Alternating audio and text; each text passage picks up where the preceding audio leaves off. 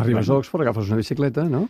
El primer que s'ha de fer, o no? Eh, ho tenia realment molt al cap, però, eh, clar, també quan vas a Anglaterra, vull dir, a vegades et sembla Anglaterra, eh, ja ho saps tot, però has d'anar en compte amb algunes coses. La primera és que condueixen pel costat que no toca. Sí, és important de tenir-ho en compte. Ells, evidentment, pensen que està la resta de la humanitat equivocada, però bueno... També Eh, pensa que Europa està aïllada quan ja boira el canal de la Mànega. correcte, sí, sí, tot això és així, és així, és així mateix. Llavors vaig estar el primer mes acostumant-me per on venien els cotxes i les bicis i tal, però Sobretot sí, sí, a les rotondes.